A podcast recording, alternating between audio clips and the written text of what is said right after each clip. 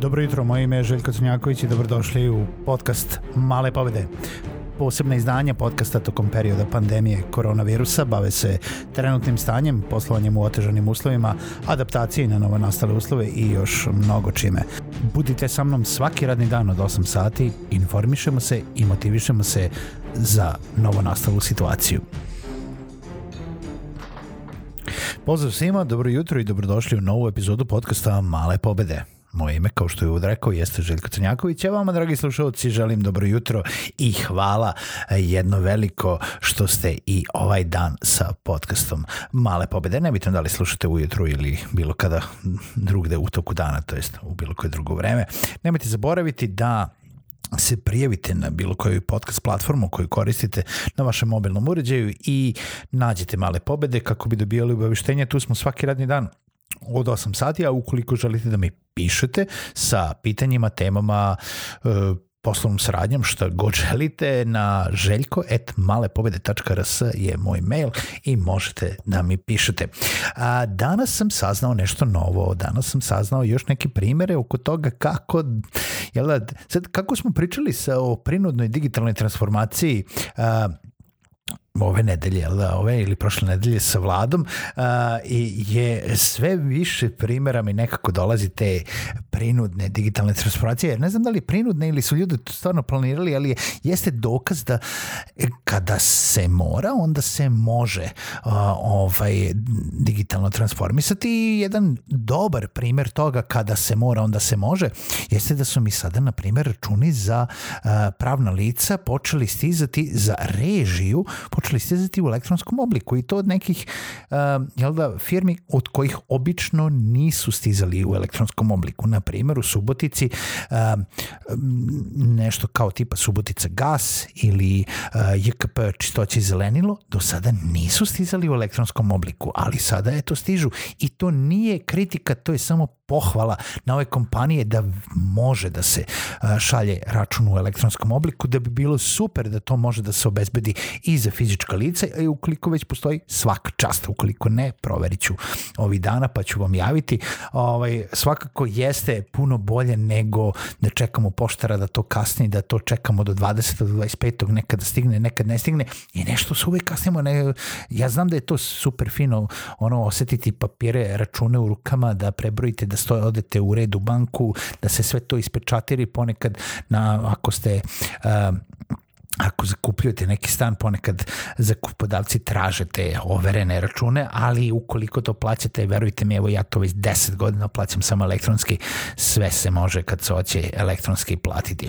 Uh, još jedan dobar primer jeste isto tako uh, aplikacija, uh, našao sam je na iOS-u, ne znam da li ima na Androidu, mislim da ima i na Androidu, ne mogu da proverim, uh, je od NIS-a, NIS uh, Gazprom pumpe, uh, pustili su aplikaciju aplikaciju Drive Go za beskontaktno točenje goriva, to je plaćanje prilikom točenja goriva, nećete beskontaktno da točite gorivo naravno, ali odete na pumpu, natočite gorivo, skenirate QR kod i putem aplikacije koja sadrži i vašu loyalty karticu i ne znam, neku povezanu karticu kreditnog uh, za plaćanje, uh, platite račun, sednete u kola i ćao, odete, ne morate da ulazite unutra. Ono što sam, e, nažalost, saznao jeste da to za sada nije moguće za pravna lica. Nadamo se da će da uvedu uh, u smislu kada vam treba gotovinski račun. Uh, ja bi jako voleo to da uvedu, pošto ja točim eto na moju malu preduzetničku firmu, pa mi uvek treba gotovinski račun, jel, jel tako?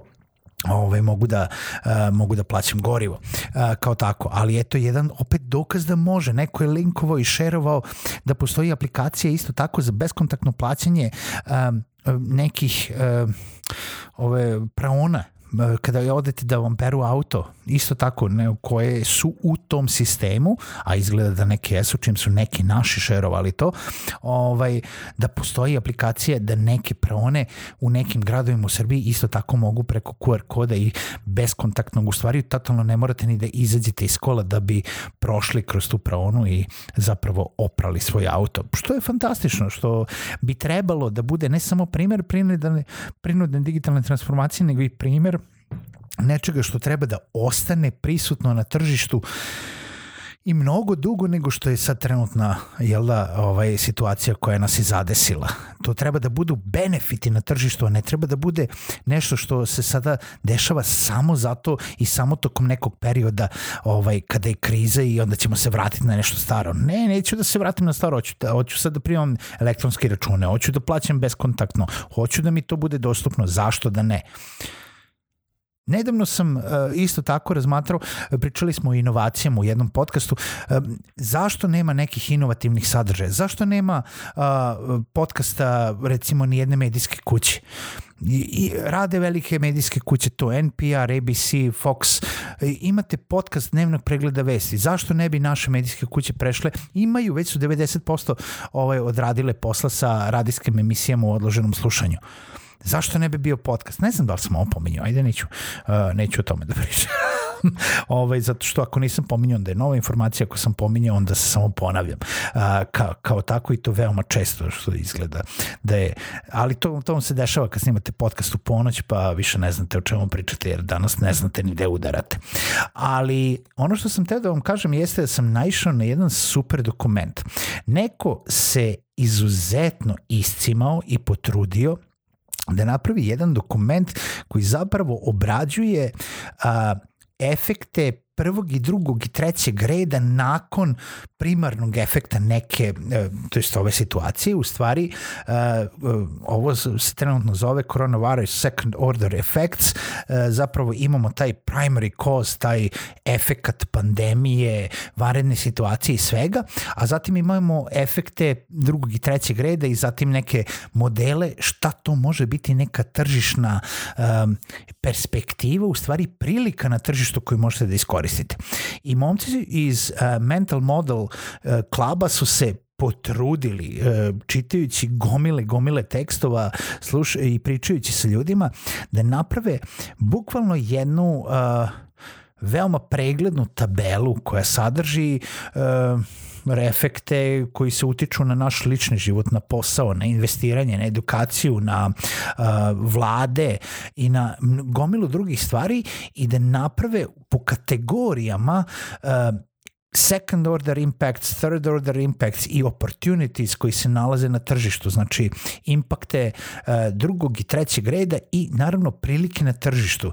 I sad da vam dam samo neke primere i to su naravno neka očigledna predviđanja i to jest zapažanja, ali da kažemo recimo je to samo, samo ono što nam je blisko, recimo na porodičnom nivou.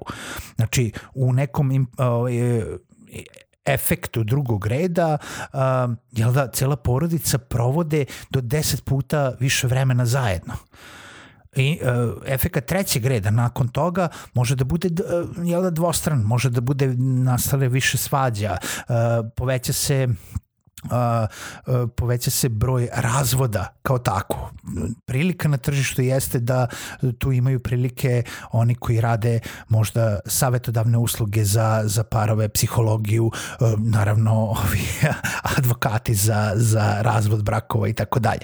Sa druge strane, a, efekat trećeg reda može da bude jel da, i više ljubavi, više beba, više a, više priliva u bolnicama kada ovaj jel da bolnice postanu pretrpane zato što zato što ne nije ne je pretrpano zbog virusa i kovida nego zato što se rađa je povećan natalitet. Uh, možda je neka povećanost u uh, jel da onim porodiljama koji će roditi kod kuće.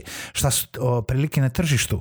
Pa to su virtualne babice na primer ili uh, možda uh, jel da povećana potražnja za bebi odeću i tako dalje. I ima tu sad i neki, kažem, očiglednih, ali i nekih veoma interesantnih analiza gde možete bukvalno da kroz čitanje ovog veoma shvatljivog i preglednog dokumenta napravite neka zapažanja u delovima koji se konkretno tiču vas i na taj način napravite neke modele poslovanja uh, potencijalnog poslovanja, neke uh, modele na koje ćete, kao što su jel da sada prešli i pričali smo o prinudnoj digitalnoj transformaciji, ovo biti neka ovaj pa da kažemo preemptive, taj, taj, taj neka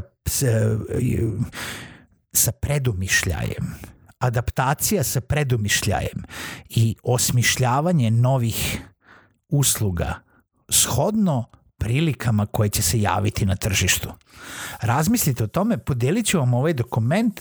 A, hvala e, o, onima koji to već jesu uradili na društvenim mrežama zato što sam ga tako i video, ali u svakom slučaju interesantan link u opisu ovog podcasta. Čujemo se u sledećem podcastu sutra.